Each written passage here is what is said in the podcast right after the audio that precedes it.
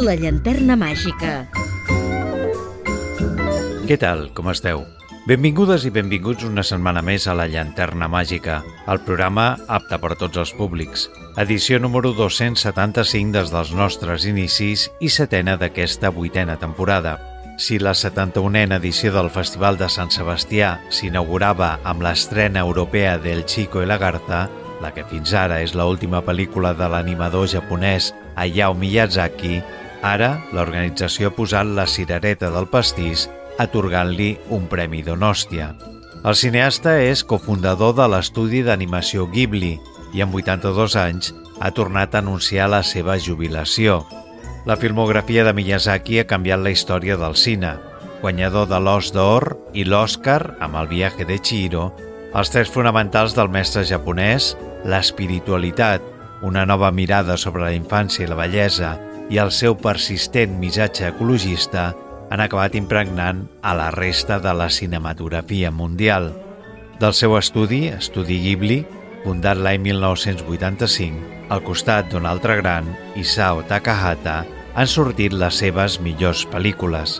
Però abans d'endinsar-nos en el tema, deixeu-me que us recordi que podeu seguir la nostra activitat i escoltar els darrers programes emesos a les xarxes socials. Segueix el programa al Facebook facebook.com barra la llanterna màgica. Tenim una adreça de correu electrònic per si us cal contactar amb nosaltres o fer-nos arribar les vostres consultes o suggeriments. Vols contactar amb el programa? llanterna01 arroba gmail.com Fetes les presentacions, comencem. La llanterna màgica, amb Jordi Terrades.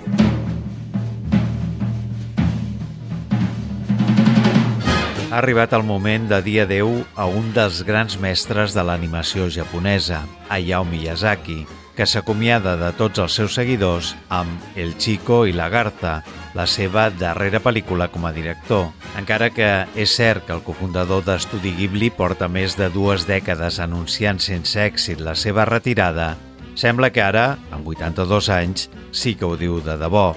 Icona del cine i responsable d'algunes de les millors pel·lícules d'animació de la història, Miyazaki torna amb una adaptació lliure de la novel·la de Genzaburo Yoshino, on recupera l'animació tradicional després de la poca acceptació que va tenir Erwig i la Bruja, dirigida pel seu fill Goro Miyazaki, en part motivat per l'abús de tècniques digitals. Tot i que la pel·lícula es va estrenar al Japó el mes de juliol, el nostre país s'estrena aquest cap de setmana després del seu pas pel Festival de Cine de Sant Sebastià fora de concurs. La pel·lícula mostra el creixement psicològic d'un noi adolescent a través de les interaccions amb els seus amics i el seu tiet. El tema principal de la producció és Spinning Globe, un tema de Kenshi Yonezu, declarat fan de l'obra de Miyazaki i que ja podem escoltar al nostre país. Boku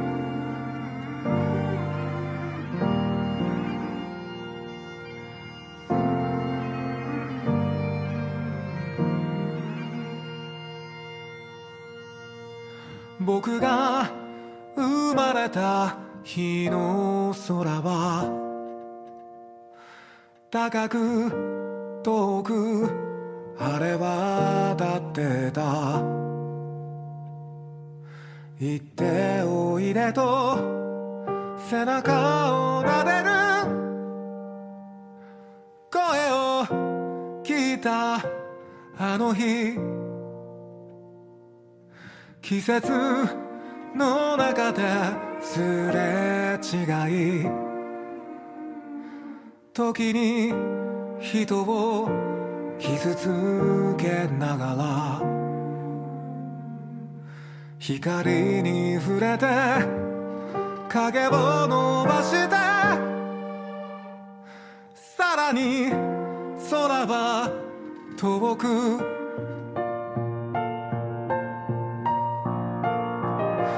風を受け走り出す。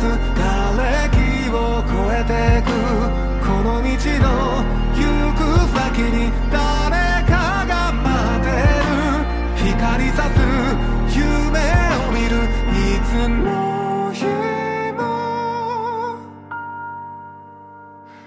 扉を今開け放つ秘密を暴くように飽き足らず思い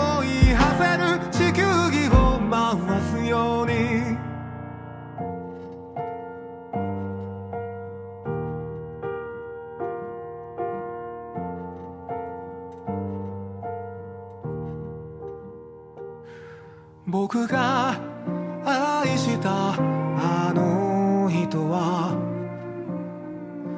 誰も知らないところへ行った。あの日のままの優しい顔で今もどこか遠く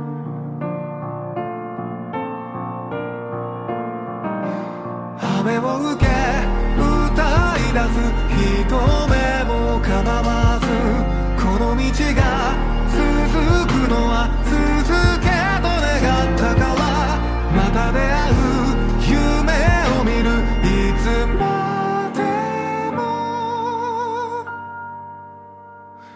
ひとかけら握り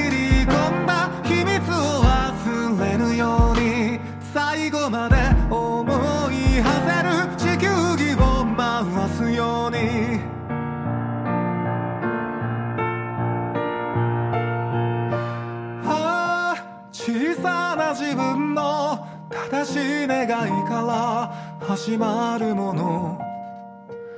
一つ寂しさを抱え僕は道を曲がる。風を受け走り出す。枯れ木を越えてく。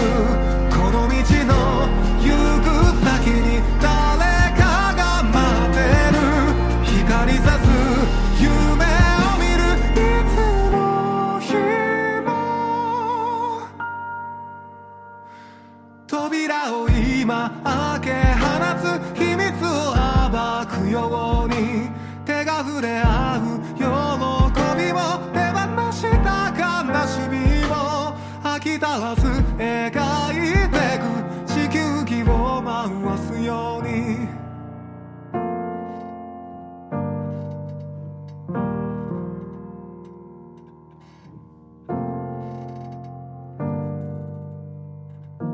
Hayao Miyazaki va néixer a Bonkyo, municipi i districte especial de Tòquio, a la regió de Kanto, un 5 de gener de 1941, sent el segon de quatre fills de l'enginyer aeronàutic Kazuji Miyazaki, director de l'empresa familiar Miyazaki Airplane.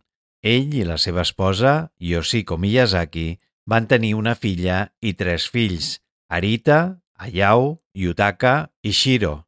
Durant la guerra, la família va ser evacuada a Utsunomiya i posteriorment a Kanuma. Gràcies a la feina del pare i el seu oncle a la indústria armamentista, la família va poder viure amb una certa comoditat.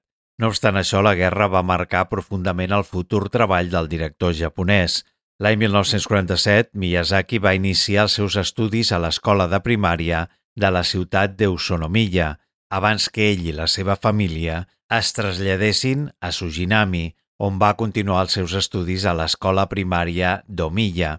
Posteriorment es va canviar a la nova escola d'Eifuku. Finalitzats els seus estudis de primària, es va matricular a l'escola secundària de Toyotama, on la seva passió per l'animació va despuntar.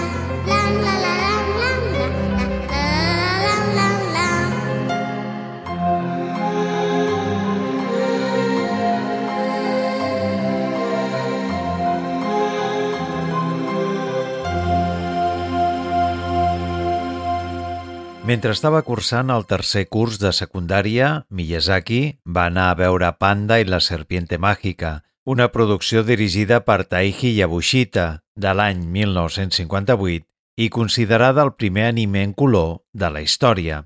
Una pel·lícula que s'avança diversos anys a les primeres produccions animades. Van treballar 13.000 animadors durant dos anys i va ser la primera animació japonesa exhibida a Amèrica l'any 1961. Com era d'esperar, el cineasta es va enamorar de l'heroïna de la pel·lícula, decidint dedicar-se de ple a l'animació. Després de finalitzar l'educació secundària, va assistir a la Universitat de Gakushuin, on Miyazaki es graduaria l'any 1963 amb els títols de Ciències Polítiques i Economia. El mes d'abril d'aquell mateix any, Ayao va aconseguir un treball a l'estudi d'animació Toei Animation, treballant en projectes com Rock el Valiente o la sèrie de televisió Pepito, el Niño Lobo.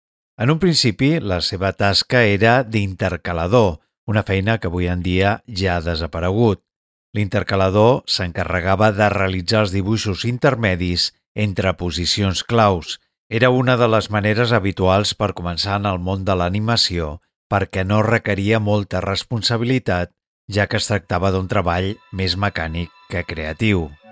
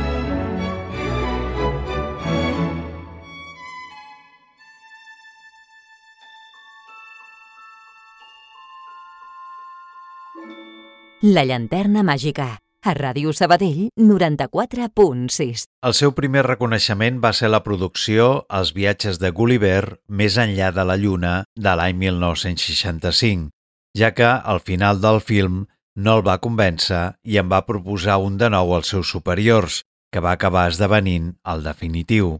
Tres anys més tard, la seva figura va jugar un rol important com a cap d'animació, artista conceptual i dissenyador d'escenes al film Les aventures de Halls, El príncipe del sol. Durant el procés d'aquest projecte, va tenir l'oportunitat de compartir les seves idees i impressions en qui seria el seu mentor, Yasuo Otsuka. El director del film era Isao Takahata, director en qui continuaria col·laborant al llarg de la seva carrera. El gat amb botes, de l'any 1969, també va tenir un paper important en el disseny, storyboards i idees de la història. A més, va il·lustrar el manga per la producció d'aquest film. També va proposar idees per al guió de La nave fantasma i va ser una peça clau en l'adaptació de La isla del tesoro de Hiroshi Ikeda, així com a Alibaba i els 40 lladres d'Akira Daikuhara i Hiroshi Shidara.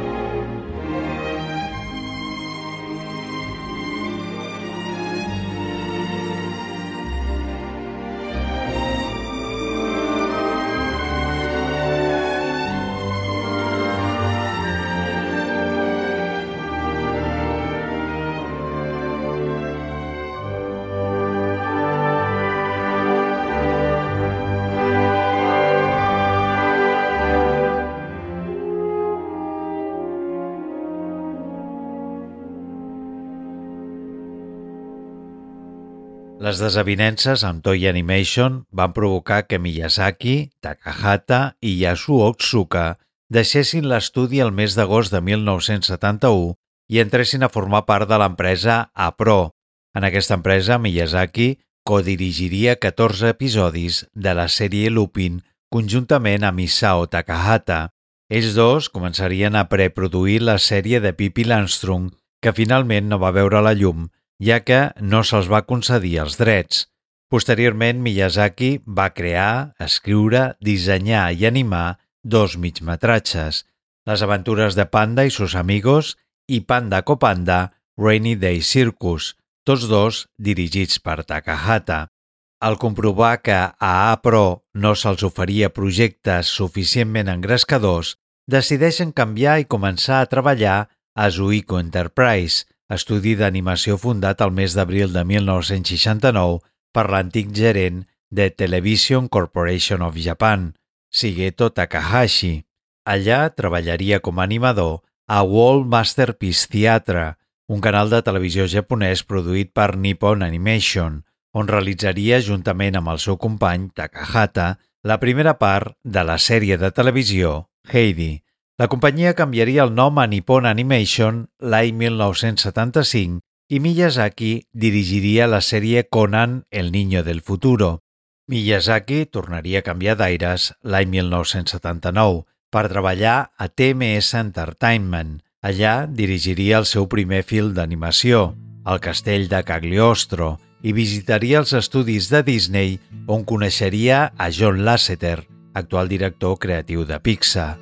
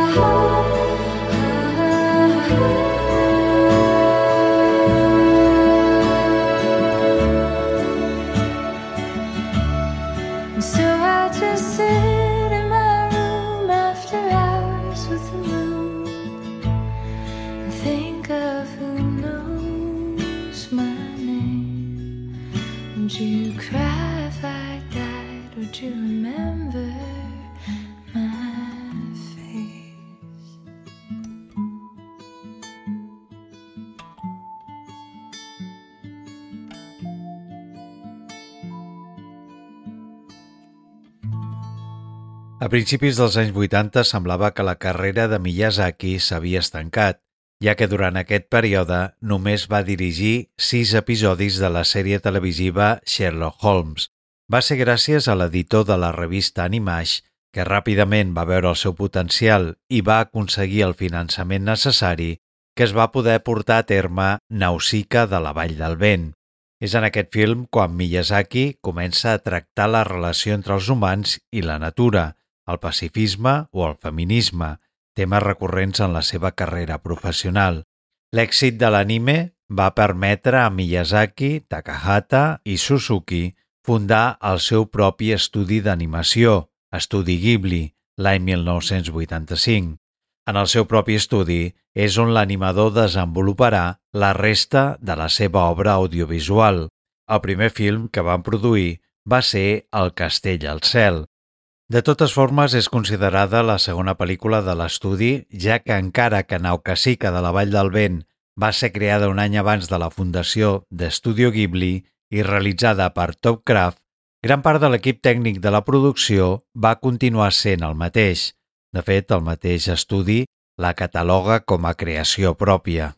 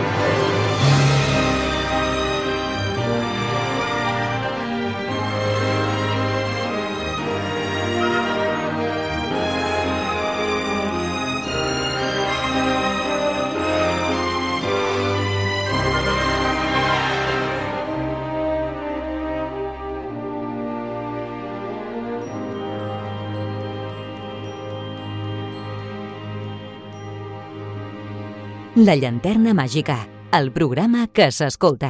La major part de l'obra de Miyazaki està enfocada als nens, encara que moltes vegades va més enllà i també es dirigeix al món dels adults. Treballa missatges antibelicistes i aborda temes complexos com són l'ésser humà i la naturalesa, el progrés o l'individualisme i la responsabilitat, entre d'altres. Protagonistes femenins, absència de malvats i l'ús recurrent d'avions són també alguns dels segells personals del director japonès. És per aquesta raó que la seva obra ha estat reconeguda per experts i cineastes arribant a un gran ventall d'espectadors. Després de Nausicaa de la Vall del Vent i El castell al cel, arribaria El meu veí Totoro, sobre un esperit del bosc, el qual anomenen Totoro. Aquesta producció va tenir tant d'èxit al Japó que es va convertir en la insígnia de l'estudi.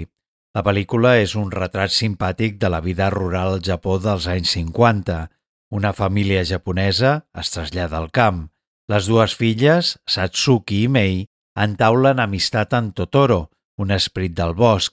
El pare és un professor universitari que estimula la imaginació de les seves filles relatant-los faules i històries màgiques sobre follets, fantasmes i esprits protectors de les llars, mentre la mare està malalta a l'hospital.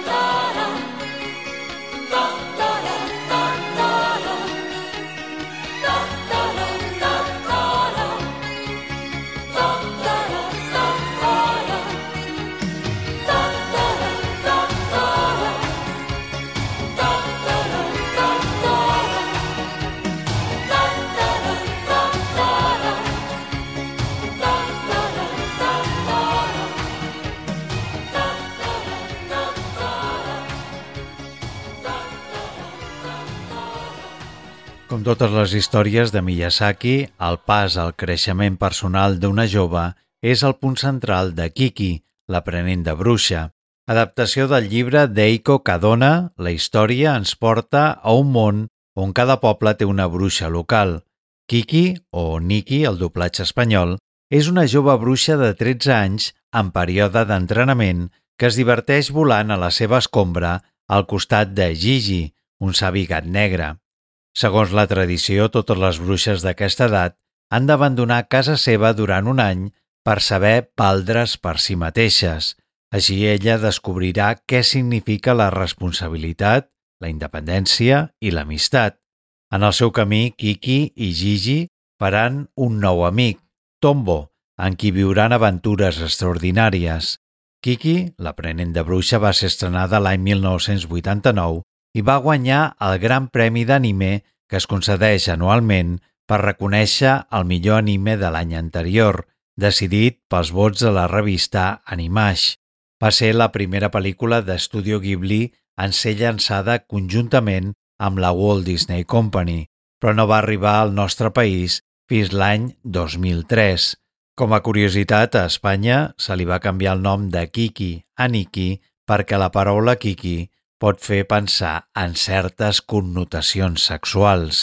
Val a dir que en el doblatge català es va mantenir Kiki, l'aprenent de bruixa, com a títol original.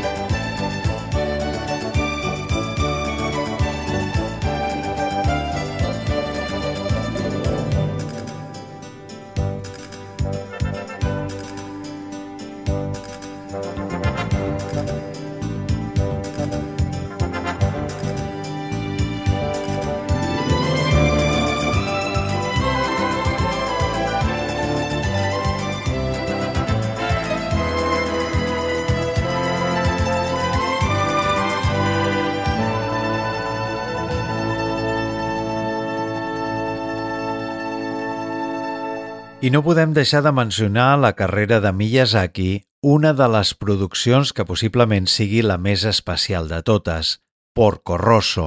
Molts dels seus passatges segueixen sent un misteri anys després i la seva complexitat fa que creixi amb els visionats. Aquí el protagonista no és una noia jove, sinó un pilot madur, un pèl amargat i masclista, convertit en porc.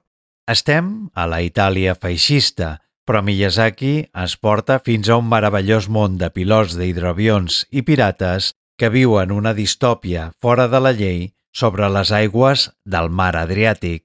Porco Rosso, que en realitat es diu Marco, conserva forts paral·lelismes amb els herois del cine negre de Humphrey Bogart o Robert Mitchum.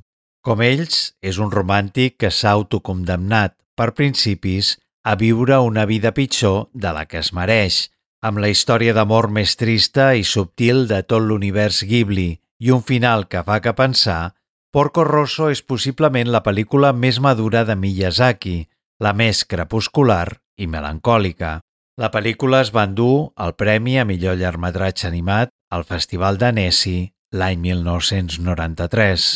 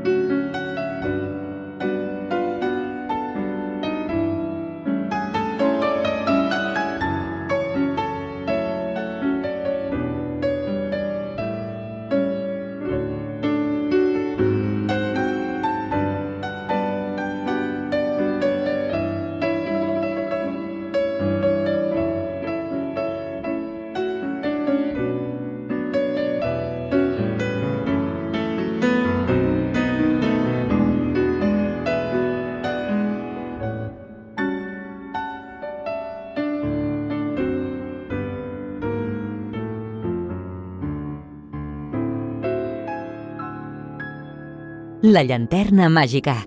Disponible a Spotify, Apple Podcast i iVox. Però el film que realment va tenir un reconeixement internacional important va ser La princesa Mononoke. La pel·lícula ha complert 26 anys, sent encara avui en dia una de les pel·lícules més influents de l'anime japonès i el projecte més ambiciós de Miyazaki i Ghibli. També un dels que més recaptació ha tingut, amb una xifra aproximada que rondava els 102 milions d'euros. Tal i com us deia, aquesta producció també va ser capaç de traspassar fronteres i aterrar al mercat estatunidenc, on es va convertir en la primera pel·lícula Ghibli en tenir una àmplia distribució. Una de les principals raons de la popularitat de la cinta va ser la fascinació del director per la seva pròpia mitologia i folklore. La combinació d'aquesta tradició cultural amb un fort missatge medioambiental, violència continguda i alguns tints romàntics la van dur al cim. La idea d'escriure una història sobre una noia criada per llops rondava al cap de Miyazaki des de finals dels anys 70, però no va ser fins a mitjans dels 80 en què va començar a prendre forma. Ambientada en el període Muramachi, entre 1392 i 1573, la princesa Mononoke explica la història d'Ashitaka, un príncep sobre el que recau una maledicció. Amb la finalitat de curar la ferida que li ha causat un porc senglar embogit, el jove surt a la recerca del déu Cèrvol, ja que només ell pot alliberar-lo del sortilegi. Al llarg del seu periple, descobreix com els animals del bosc lluiten contra homes que estan disposats a destruir la natura.